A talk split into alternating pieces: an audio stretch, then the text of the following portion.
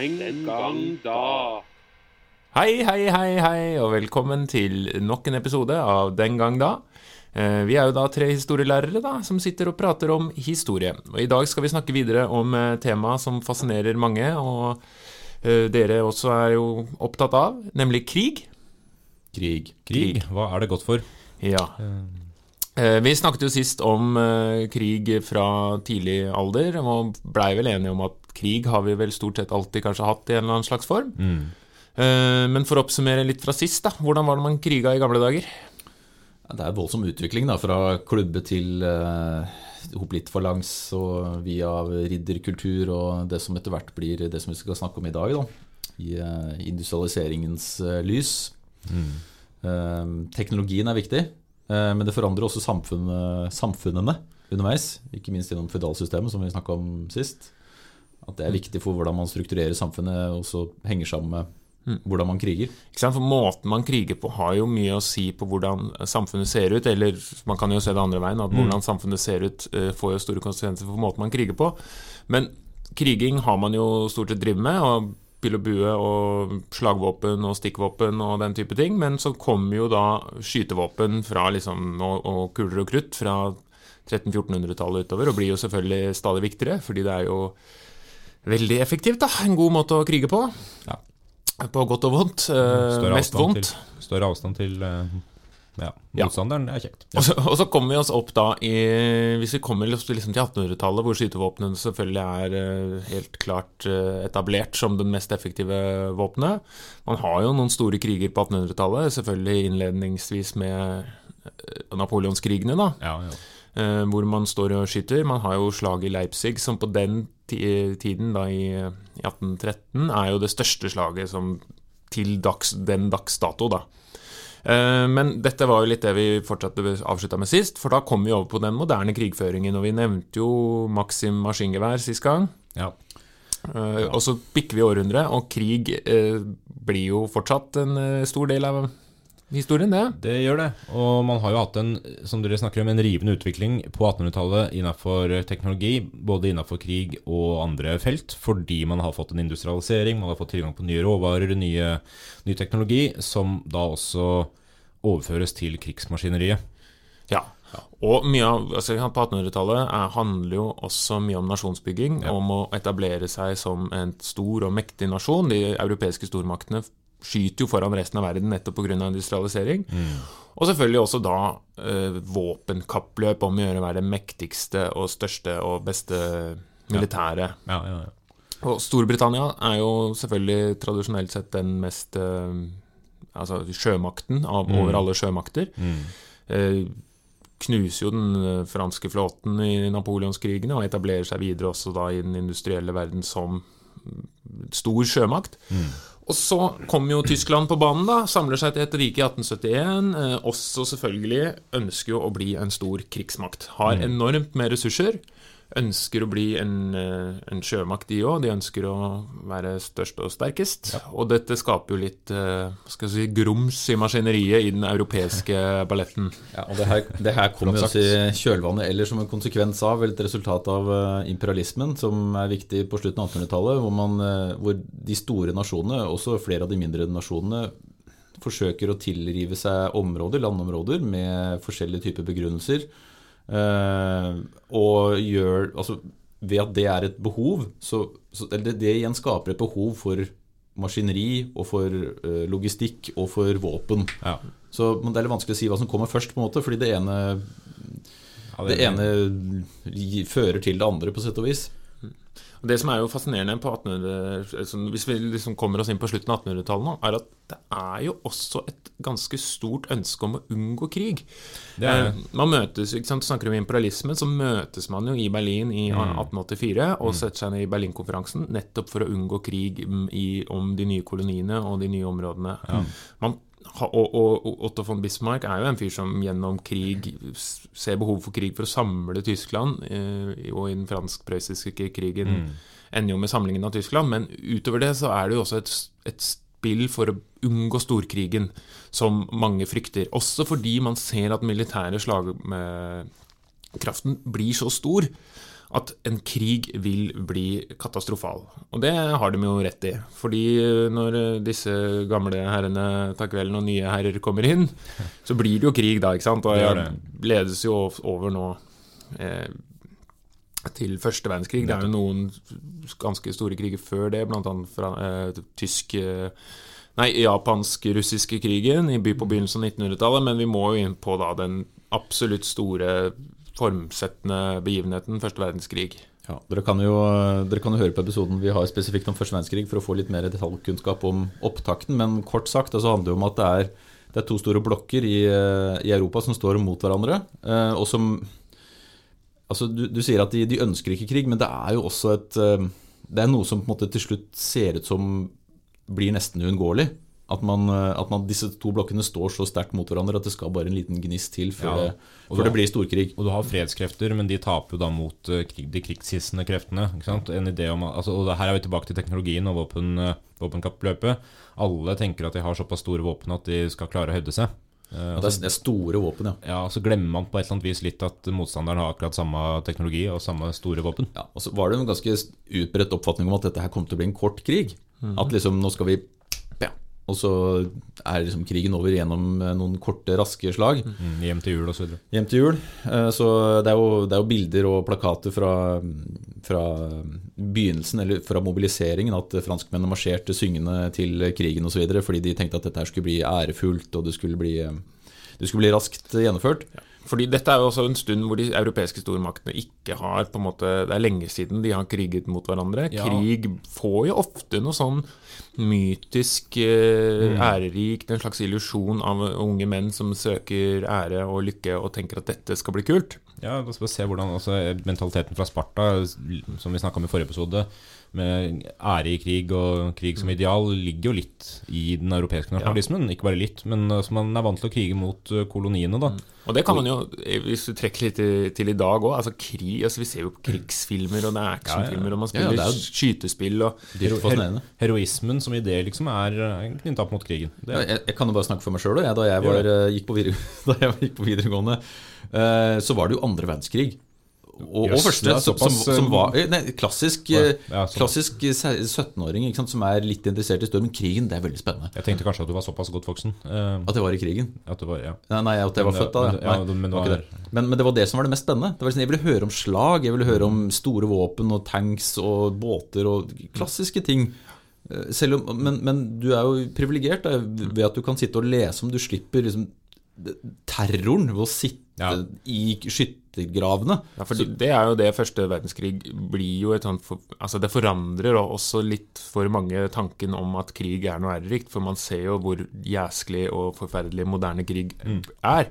Og det er jo litt problemet i første verdenskrig, er at man Altså Man sier man har liksom strategier fra Napoleons eh, tid. altså Man møter opp og skal bare plaffe ned, men mm. så funker jo ikke det. Og så graver alle seg ned, og så blir man liggende der i fire år og skyte på hverandre og bombardere ja, hverandre. Ja. Og, du, og, du, nevnte maskingevær her, Henning. Og det er jo på en måte på godt og vondt. Det er et, det er et effektivt våpen, men det egner seg veldig godt til forsvar. Mm. Og hvis du da skal storme skyttergraver, så har du ikke noe du har ikke noe å beskytte deg mot. Det er de som sitter nede i grava med, med maskingeværet, som har fordelen, og derfor vil man ikke komme seg noe videre. Nei, forsvars Forsvarsvåpen er sterkest. Er sterkere enn angrepsvåpenet. Og Vi snakker jo sist om liksom fra infanteriet i antikken til kavaleriet i, mm.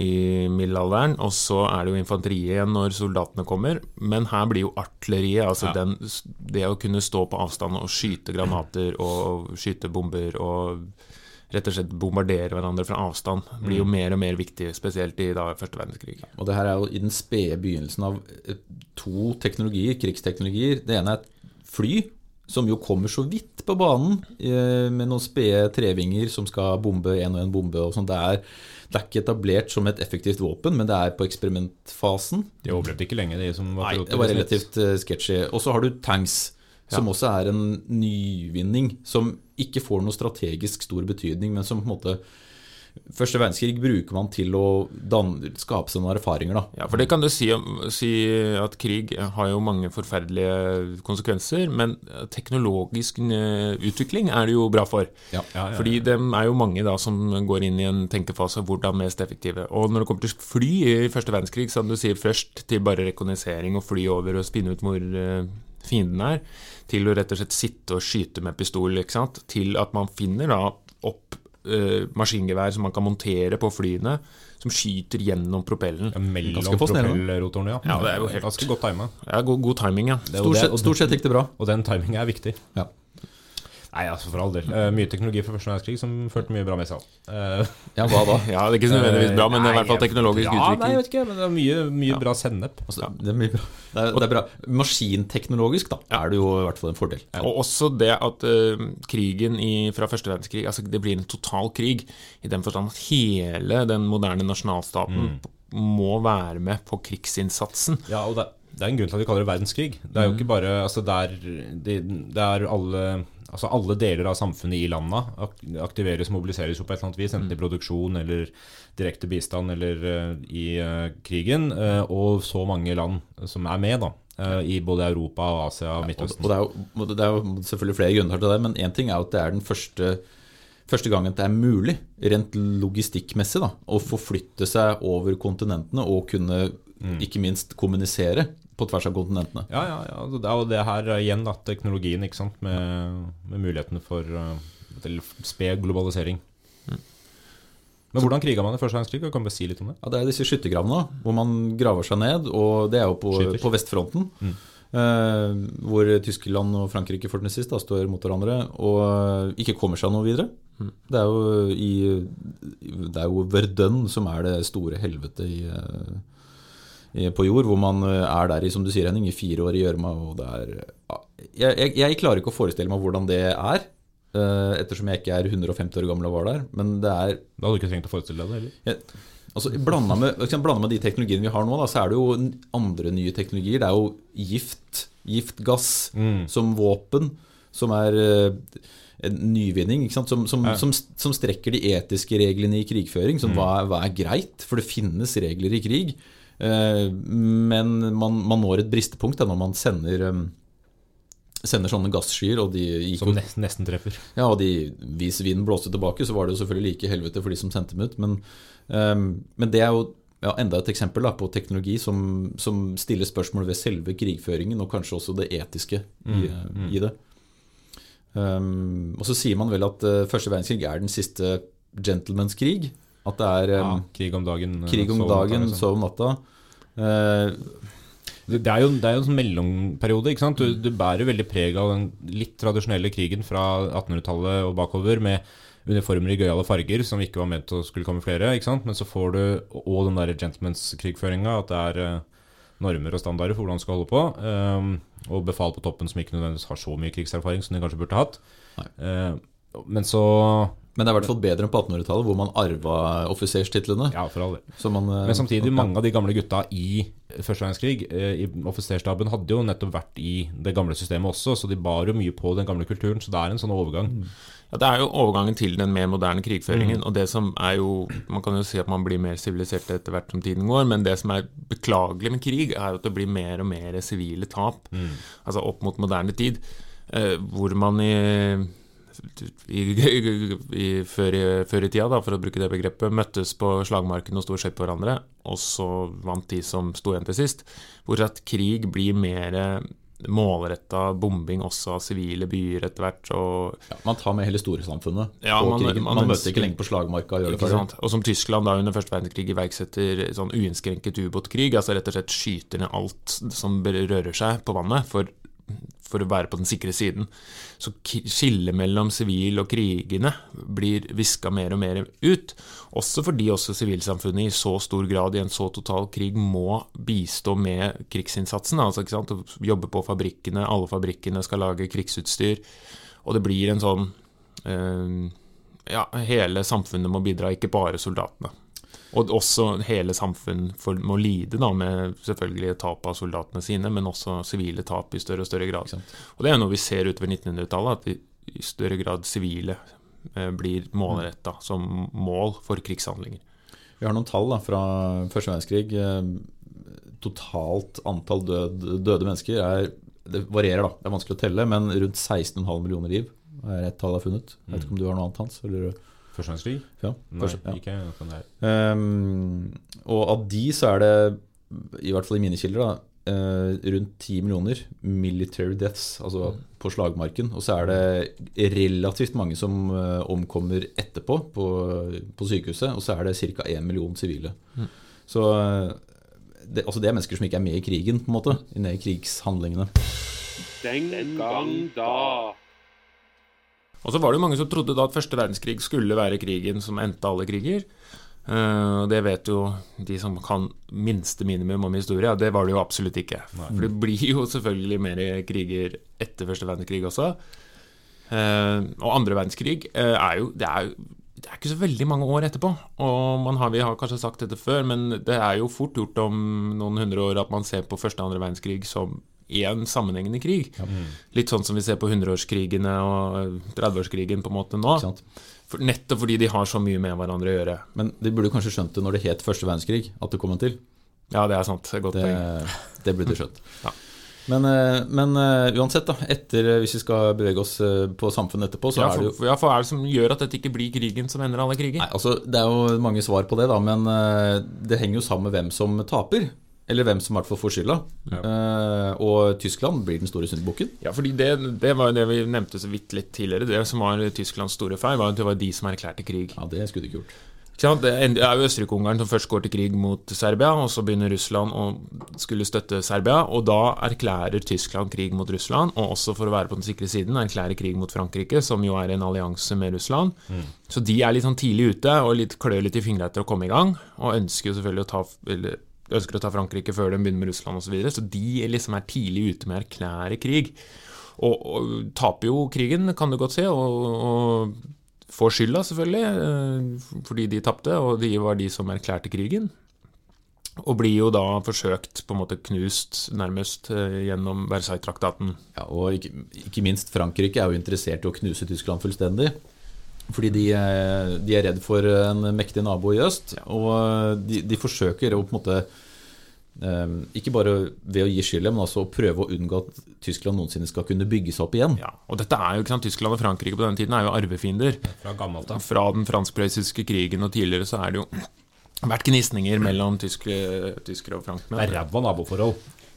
Ja, det er det. Så man ønsker jo Vil ikke komme mellom dem, å svekke den militære slagmarken, slagkraften til Tyskland, betraktelig. De får ikke lov til å ha mer enn To soldater. ja, 100 000 soldater. De må ta bort alle store krigsskip og fly. De må rett og slett destruere, de må rett og slett destruere veldig mye av sin krigsmakt. Eh, fordi man ser at eh, nå er vi ferdige, nå har vi ikke lyst til å krige igjen. Og så blir jo Tyskland sinna. Ja, og så får de jo ikke minst gjeld. Eh, Det er jo også en del av pakka her. At en gjeld som er mulig å betale, luksusfellen, eller hvis man kan kalle det krig luksus, så er det på en måte en sånn gjeld som er en spiraleffekt. At man kommer aldri ut av det. Nei, fordi Tyskland skal jo da i prinsippet, eller i teorien, betale egentlig alle skadene Ja, ja. som har blitt forårsaket av første verdenskrig. Ja, det er ganske heftig. Det, finnes, det fantes vel ikke så mange penger i hele verden, sannsynligvis. Eh, Nå, nå er jeg på økonomisk tynn is her, men eh, det er Som mulig vanlig- å regne på det. som vanlig. Som vanlig. Men, eh, men, men det, kort sagt, da, det fører til et samfunn som ikke klarer å komme til hektene igjen. Ja. Vi klarer jo det, da. Og Ja, ja på et Nå, vis. men nå foregriper vi men, litt. ja, men hvis vi skal ta 20-tallet først, da, etter at verden først gjennomlevde første verdenskrig, og også de fleste overlevde spanskesyken, så kom man inn på 20-tallet. Eh, og for, uh, for mange så var jo dette the roaring twenties. Uh, for tyskerne så Var det ikke det? var det ikke det. Det, ble, det hadde litt oppturer nå da, men det var jevnt over nedover fram mot 30. Ja. Eh, Og det, er jo, det største problemet er jo pengene. Eh, Så man forsøker å, å Man forsøker å betale gjelda på forskjellige måter. Eh, Men det ender i et famøst krakk i 1923, hvor man ser alle disse stakkars menneskene som mister alle sparepengene sine fordi inflasjonen er så høy, og man går rundt med trillebår for å kjøpe brød. Eh, Og et, et samfunn hvor, hvor den gjennomsnittlige borger ikke har råd til å skaffe seg mat, har et kjempeproblem. Ja, og da er det jo litt fascinerende at det vokser jo fram eh, ideologier eh, sant, som på nytt idealiserer krig. Eh, og har et sånt eh, idé om at eh, krig og, og, gjennom makt skal man kunne oppnå goder. Eh, og det er selvfølgelig fascismen og nazismen. Og det er jo også tufta mye på at man mener at det som skjedde i første verdenskrig, var altså at man ikke nødvendigvis ikke tapte. Noen mente at man ikke tapte, men at man ble på en måte sveket. At de kunne ha vunnet. Svekta sine egne. Svekta sine egne, og man ønsker å skape et sterkt samfunn. ikke sant? Eh, Og uniformere og stå sammen og knytte dette opp mot eh, ariske rase og sånn i Tyskland, og nazismen selvfølgelig. Men mye i både nazismen og fascismen er jo dette her, hva skal jeg si, maskuline krigsidealet om den sterke mann som skal styre, og at folket skal være uniformert og sterkt og stå sammen. Og gjennom, den, gjennom makt skal den sterkestes rett råde.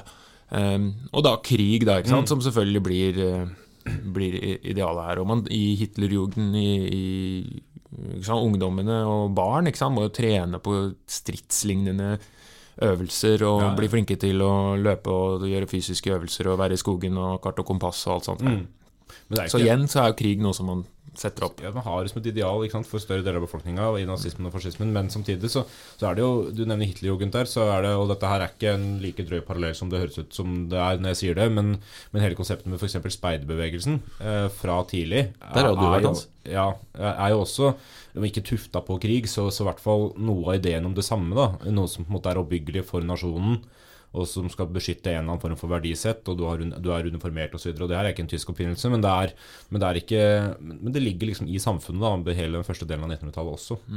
Så Friluftsliv og krig har vært eh, tett beslekta, vet jo alle som har vært i militæret. Det kan hende, det er vanskelig å krige Det er veldig mye telt i krig, altså. Ja. Det er lettere å krige ute enn inne, kanskje. Ja, Eh, ja. For det, ja, det var eh, Det er plass til flere folk ute. Det blir kanskje likere forhold da, hvis man kriger inne. ja. Men den teknologiske utviklingen fra første til andre verdenskrig er jo enorm.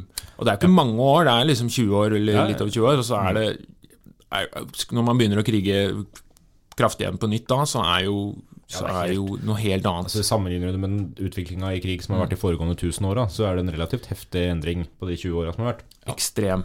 Og det er jo også det som er beklagelig, er jo også å se hvordan krig Altså Den spanske borgerkrigen fra 36 til 39 er jo verdt å nevne her, fordi det er jo en sånn eh, frempek på andre verdenskrig. Ja, man tester nærmest Ja, ut eh, både våpen og ideologi. Og der ser man også hvordan bombing av sivile byer blir eh, brukt som et militært virkemiddel. Ja. Og det er jo det som også skal prege selvfølgelig andre verdenskrig.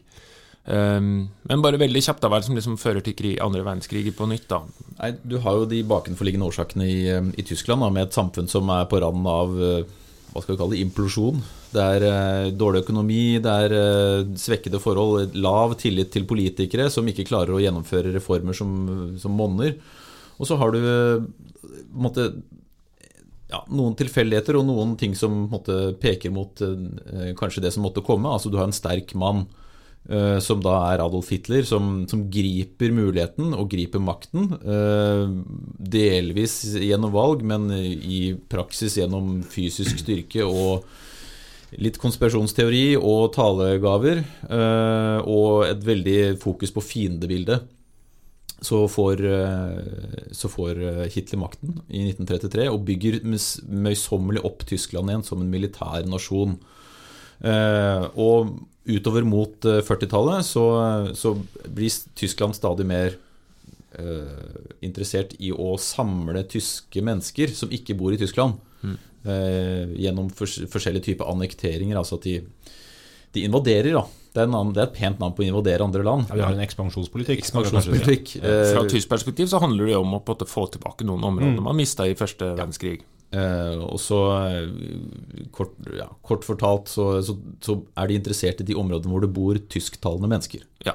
F.eks. Østerrike, som de eh, annekterer i 1938. Og så får man Rhinland og Sudetenland er jo også de to store Mm, områder de tar før krigen. Men så er det invasjonen av Polen, som, Som sikkert mange vet, som blir da Og det her er jo Tyskland lært, for det her erklærer jo ikke de krig, men de invaderer Polen, og det er jo da Storbritannia og Frankrike som ser seg nødt til å til slutt erklære krig. Men det også drøya jo lenge. Ja, De prøvde å unngå det. De ønsket jo å unngå det. Så man ser jo også her en motstand mot krig. De var jo redd for det samme som, vi, som skjedde i første verdenskrig. ikke sant? De, de var redd for konsekvensene, men så hadde de jo ikke noe valg til slutt. De måtte jo på en måte gjøre noe. Men han husker, han husker krigen bedre da, enn ved Ja. sist anledning. Og så er det, for oss som sitter og er historikere, så er det lett å peke på Hitler som den, som den uh, aggressive diktatoren som ønsker krig. Men, Stemmer det.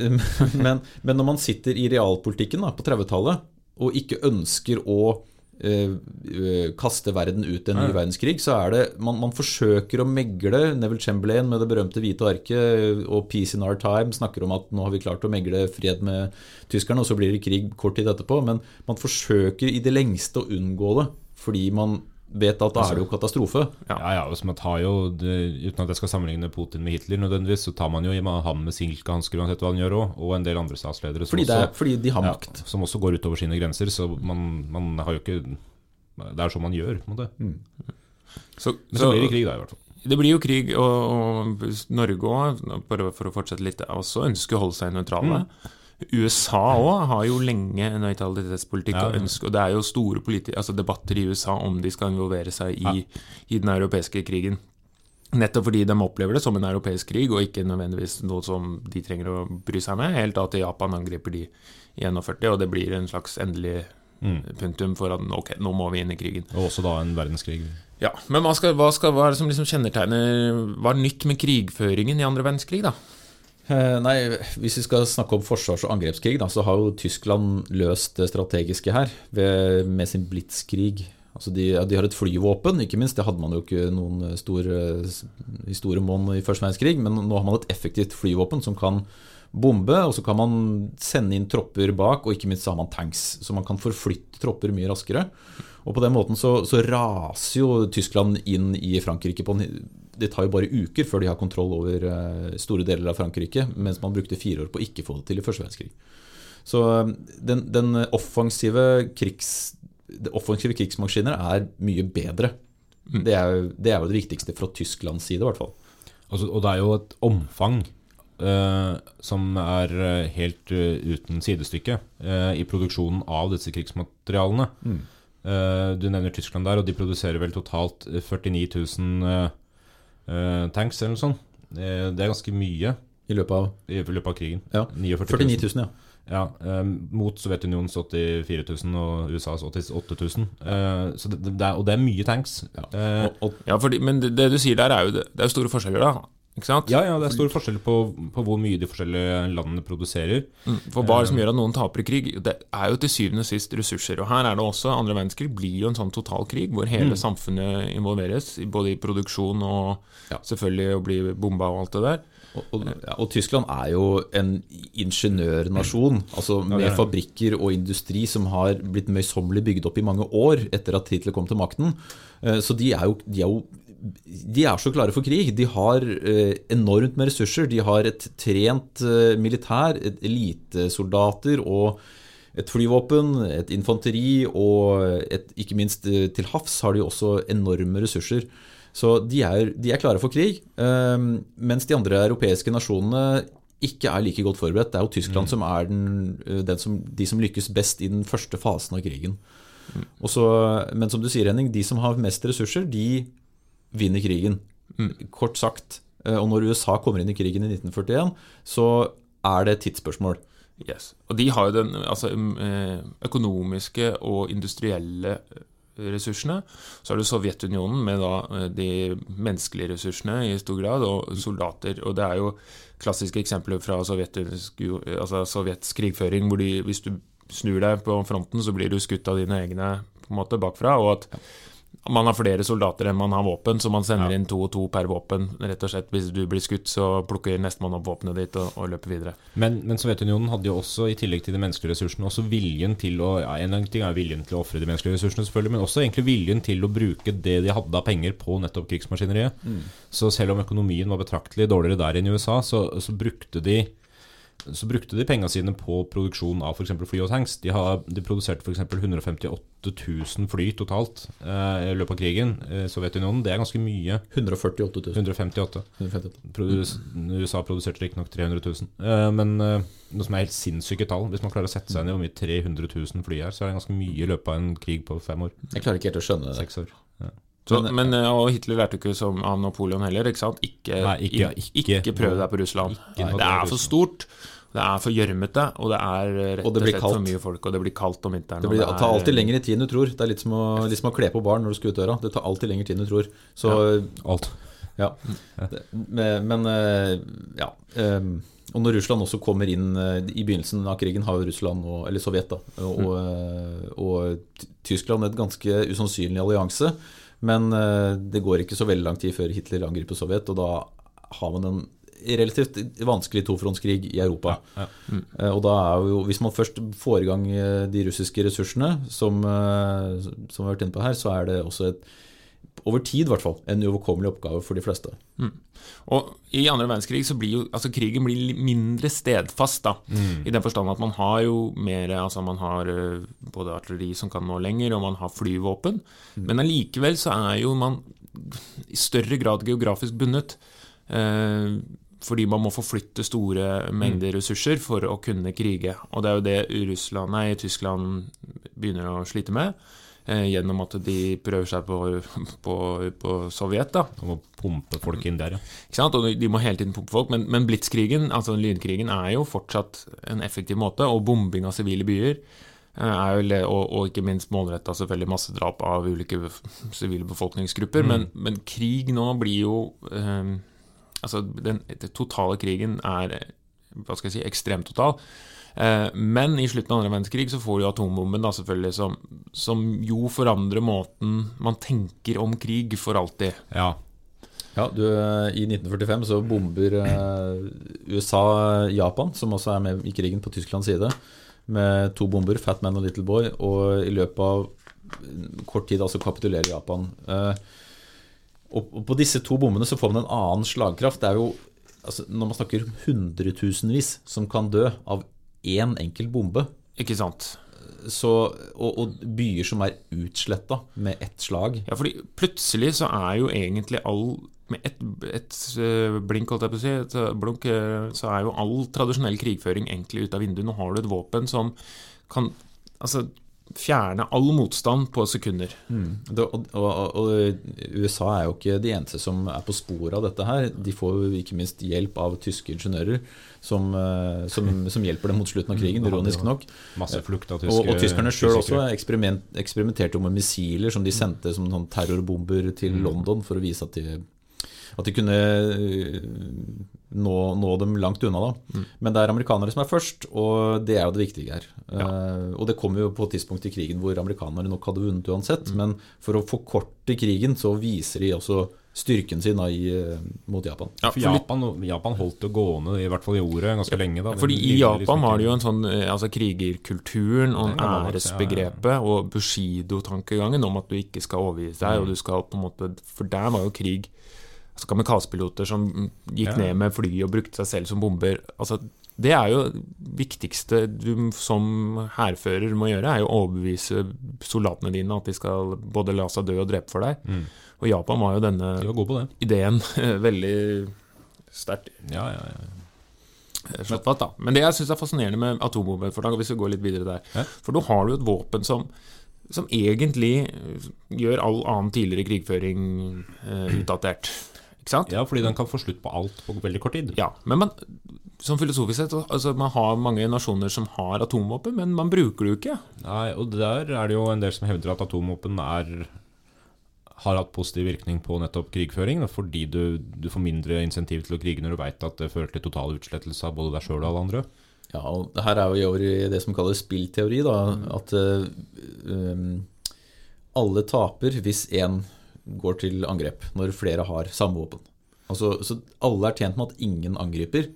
Derfor vegrer man seg til å bruke atomvåpen. Og det har jo ikke skjedd heller i krigføringssammenheng Nei, siden 1945. Man, man Nei, for I utgangspunktet skulle du tro at altså, soldaten med, eh, med rifle i hånda er nå, trengs ikke lenger. Men vi har jo fortsatt det. ja. Ja, fordi man vil jo ikke bruke de andre våpnene. Nei. Eh, Så det, og det ser man jo hele poenget med den neste store konflikten i verden etter andre verdenskrig, er jo kaldekrigen mellom USA og Sovjetunionen, sånn roughly, øst og vest. eh, Og hvordan man bruker da de, eh, de eh, 50 åra som følger, mer eller mindre, på å unngå å krige med hverandre. Ja. Det er en veldig interessant krig, fordi man er, man er nettopp da redd for, for dette her. ikke sant? Og isteden så, så blir det heller type dominokriger i andre områder, der man eh, kriger på direkte med hverandre. ja, for det er jo bare fem, fem år før liksom Koreakrigen, og, og der er det jo fotsoldater. Og Vietnam og Ja, og så kom Vietnam, og Vietnamkrigen nå er jo altså, i sin forferdelighet eh, eh, Hvor man bomber også sivile og, og Ja, ja. med napalm, og man bruker jo gammeldagse våpen for, å, gjøre, for å påføre mest mulig skade. Mm. Men man vegrer seg jo selvfølgelig for å bruke den store bomba. Ja, ja. Så, sånn, sett- sånn sett kan man jo si at det er en eh, ja, kanskje, ja, ja, Noen vil jo si at det er en fredsbevarende effekt, da, men det betyr jo ikke at man hadde, man hadde jo krig likevel. Man har jo hatt mye krig. men bare, men altså, krigen kunne vært verre på et vis. Ja, Eller, altså, når, man har, når man har muligheten til å utslette seg selv og motstanderen eh, tusen ganger, så, så tenker man seg kanskje ekstra om. da. ja, Problemet er jo at som, man, som vi sier, at man, man ender jo bare opp med å bruke den gamle teknologien isteden. Uh, så det er litt som å bare la være å oppdatere Mac-en fordi det nye systemet ikke er like godt, antageligvis, og du fortsetter med det gamle og det, fordi det funker greit nok en stund, selv om du får masse problemer med det. Eh, og det samme gjør man med krigene. da, Man fortsetter med krig. Det bare er Og, Ja. og i Vesten er det jo fascinerende å se også altså, Vietnamkrigen forandrer mentaliteten rundt krig. Nettopp at Mm. vi kriger Altså alle som kriger, må tro Krig er jo to stykkers to nasjoner, da, gjerne som mener at de selv har rett, og derfor ønsker å med makt få gjennom sin vilje. Men i, i Vietnamkrigen så snur jo, i hvert fall i Vesten, ideen om at vi har rett.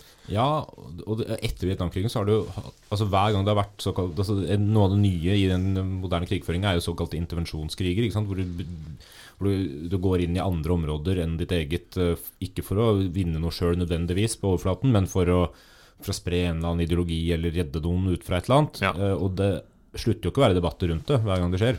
Nei, og med Vietnamkrigen nå så får du også mediedekningen, ikke sant? Ja. Altså folk ser hvor mye eh, smerte krig Mm. påfører noen, da. TV-overført, ikke sant. Ikke sant? Og det er jo også i dag det er lett å på en måte se bilder og så tenke huff så fælt og skru av og gå og lage seg middag. Ja. Men, men når man er involvert i en krig, så må man jo ta inn over seg at det er Mm. faktiske menneskelige skjebner. Ja. Så, så i, Vietnamkrigen så får du jo hippiebevegelsen og hele den oppstanden mot, uh, mot Vietnamkrigen. Og det er det Åssen er det i dag, da, tenker dere? Er, er krig idealisert, eller er vi fortsatt uh, Ja, I i viss sammenheng så er det nok det. Eh, Det er litt vanskelig å si. I norsk sammenheng så er det ikke så så er, så er liksom, Jeg har ikke følelsen av at det er så idealisert her. Men hvis du går til USA f.eks., så ser du ganske mange krefter som, som er opptatt av eh, det med de amerikanske verdiene som skal spres til andre deler av verden osv. Samtidig, samtidig så er jo Vietnamkrigen et traume for USA. Ja, ja, helt klart. Eh, altså, som, som på en måte har virkelig vist da, hvor, eh, hvordan det kan skade deres egen befolkning. Selv om man kjemper krig et helt annet sted, så kommer man hjem og så klarer man ikke å tilpasse seg til samfunnet.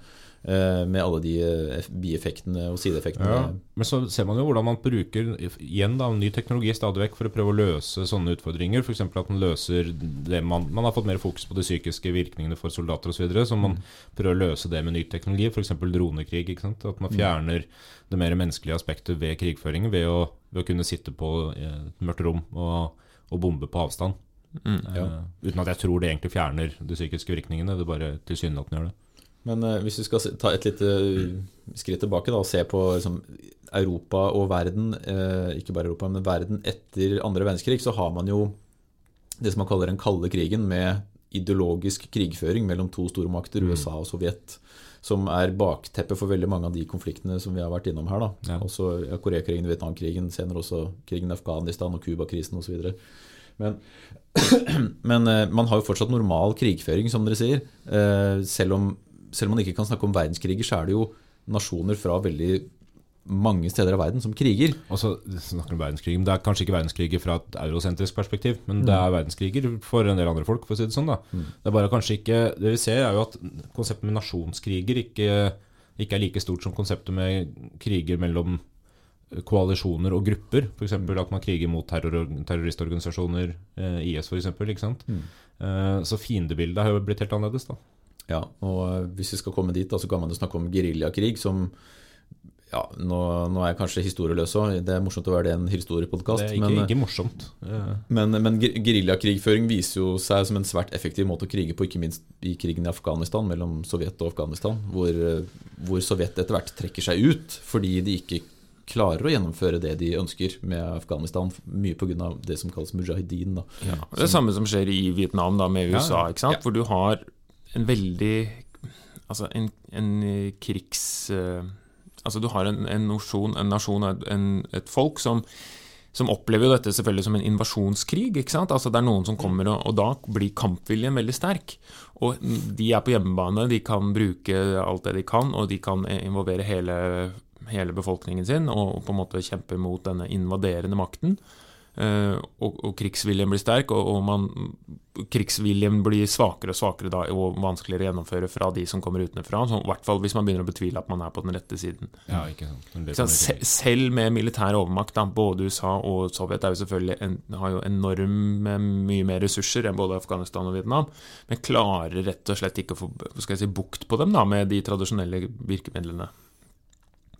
Så, men det, det, er jo gjennomgående med liksom, folks evne For det har jeg snakka om en, flere steder i den, de episoden her. At, at, folks evne og vilje til å kjempe for noe de uh, ser på som rettferdig, eller mot noe som de ser på som urettferdig, uh, er ganske mye sterkere ofte enn en del andre krefter. Uh, du kan jo, altså, Uten at vi skal sammenligne motstandsbevegelsen i Norge under andre verdenskrig med Mohajedin eller Mujahedin eller uh, Vietcong, liksom, så, så, er det noe av den samme mentaliteten. Da. Du kjemper mot en invasjon som du mener er urettferdig. Mm. Um, det er vanskelig å Til tross for at ja. du ser ut som det ikke kommer til å gå så bra. Ja, Det er et vanskelig utgangspunkt da, å, å bli bli akseptert når du kommer utenfra og skal um, kjempe Involvere noen. ja, det, ja, det er jo nettopp det det er. Ja, altså, man, man, kan snakke om USA som verdenspoliti og, eh, og si, forkjemper for eller, Det viktigste er jo at de er motstandere av kommunisme, mer enn at de er forkjemper for demokrati i mange sammenhenger. Det, og, og dermed blir det jo det går jo ikke så bra heller. Det går ikke bra for USA i Vietnam. De trekker seg ut, og de taper krigen. Ja, og Det har ikke gått bra alltid etterpå heller. Det har jo altså Både Irak og, og Afghanistan på 2000-tallet har jo hatt sine, sine konsekvenser i negativ art, selvfølgelig. Og det er jo fordi uansett, altså, Krig vil jo alltid ha to perspektiv. Det er både de som støtter det, og de som ikke støtter det. De som ikke støtter det, er innimellom de som blir angrepet, uh, uansett om angrepet er idealistisk motivert av tanken vi skal redde dere. Det er ikke sikkert at, at de du går inn for å redde, er enig i akkurat det. da. Nei, det er vanskelig å krige ennå. Det er jo uh, opptil flere kriger som pågår.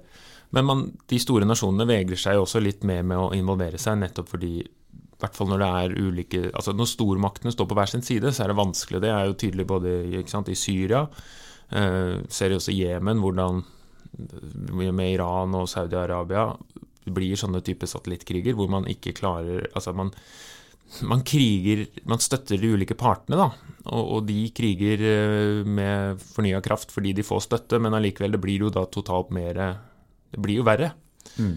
For det, det, er jo vanskelig kanskje å gi seg i en krig. Ja, mm. det blir liksom å det blir som å spille poker. da Hvis du har satsa mye, så er det vanskelig å trekke seg. Særlig hvis ikke du vinner.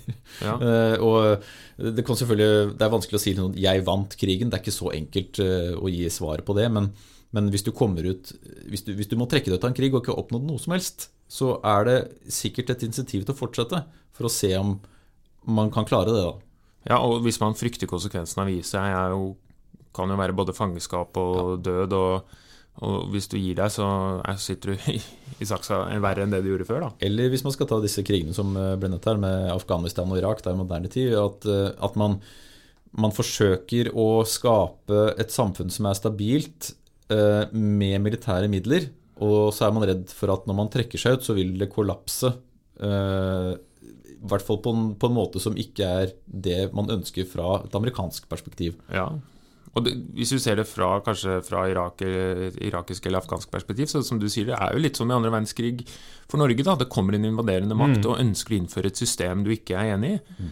Og da vil du jo kanskje kjempe med alle midler for å prøve å unngå det. Ja. Mm. Så krig kommet for å bli.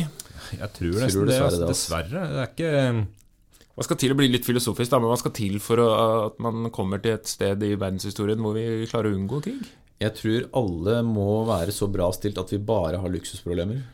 Da kan man kanskje snakke om uh, Altså, ja. hvis alle driver og sysler med i-landsproblemer, kanskje man når, det, når dit da, men kanskje ikke da heller. For da vil man krige om det, tror du? Klarer Altså, det, tror du? Hvis du skal tenke som Maslows behovspyramide, da, liksom, har du mat? Ja. Har du et sted å bo? Har du trygghet?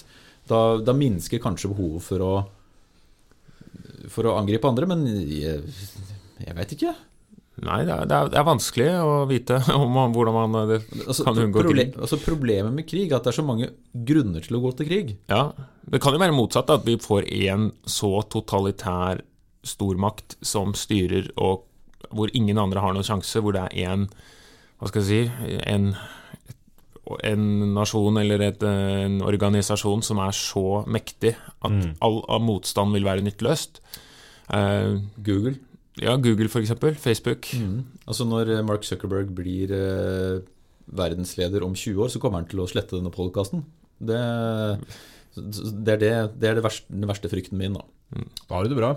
det, ikke sant? Jeg har luksusproblemer. Det Så har for meg er det ikke et problem. Men, eh, men, men det er jo nettopp i, en, i et samfunn hvor man har internett og kommunikasjon er så enkelt, så er det jo mulig for eh, Altså Man sier at eh, opprinnelig så, så man internett som, som den mulige frigjørende kraft for fri informasjon, men det viser seg at det er jo like lett å skape det motsatte. At man kan bruke det som verktøy for diktaturer som skal drive med propaganda eller falsk, eh, falske nyheter eller ja. Så det er ikke så veldig oppløftende akkurat den biten, kanskje, men uh, kommer for å bli. Ja. ja. Har dere, eller har dere noen løsning på hvordan Nei, man skal unngå krig? krig? jeg har jo ikke det. Noen som sier hvis du ønsker å unngå Altså hvis du vil ha fred, så må du forberede deg på krig. Um, for det er jo også fascinerende. Norge, altså Ideen om at Norge skal ut i en full krig, er jo ganske fjern sikkert for de aller fleste. Uh, men vi har jo et forsvar, og vi har jo et militære, og det er jo en stadig diskusjon om uh, hvor mye penger man skal gi til dette, og osv. Så, videre. så man ser jo behov også i trygge lille Norge for et militære. Ja, og jeg tror generasjoner glemmer jo veldig fort. Da. Altså jeg, for, Som du sier, det er ganske utenkelig at Norge skal ut i en krig. Men vi har jo vært det før. Og hvis vi skal se tilbake med stort blikk på verdenshistorien og krigshistorien, så kriger folk. Ja, det kan jo hende at uh, Sverige sikler på Norge fortsatt. Er bitre etter tapet fra Vet vi ikke. 1905. Eh, De vil ha, ja, fordi de vil, de vil stjele skismøringshemmelighetene våre, f.eks. ikke sant? Så da kan de fort uh, ja, Store skikrigen i Ja. eh, 2028. over på 45 minutter. Ja, ja. Nei, men krig er jo ikke noe man er glad i. eh, Men det er jo fascinerende og spennende å se hvordan krig har påvirket både samfunn og mennesker opp gjennom tiden. Mm. For krig er jo en del av eh, av de aller fleste samfunn opp gjennom de aller fleste tider. Dessverre så er det sånn. Ble vi vel enige om. Men eh, la oss bli enige om at vi prøver å unngå krig eh, så godt det lar Vi seg gjøre. gjøre. kan vi kan gjøre det vi kan for å unngå krig. Vi kan starte med oss selv. Ja. Nei, men eh, skal vi si takk for nå? Har du noe dagens ord, eh, Hans? Jeg kan ta et ord. Ja. Uh, tja. Krig. Krig Nei. Vi, kan, vi går til Japan. Denne Å. gangen skal vi til Japan. Det er lenge siden vi har hatt et ord som er helt sånn uavhengig av det vi har snakka om, men tror jeg. Jeg husker ikke. Men uh, dette er i hvert fall helt uavhengig av hva vi snakka om. Okay, La oss bare anerkjenne det med en gang. Ordet er goro.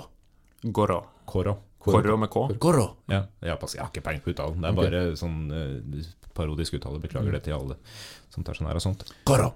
Eh, det er den hysteriske overbevisninga om at eh, ens penis krymper innover i kroppen. Oi, Ja. for en grusom tanke. Goro. Ja det, er, det er et veldig spesifikt ord. Det er, ja, ja. Og det er det som er morsomt med det. Den frykten visste jeg ikke at fantes. Nei. Men nå kan jeg begynne å frykte Nå kan du begynne å redde okay, for det. Fint, fint, fint, Neste Neste gang du bader i kaldt vann. Ja, ok. Ok, Ja, nei, men da sier vi takk for det. takk for det samme. Ha det bra. Ha Det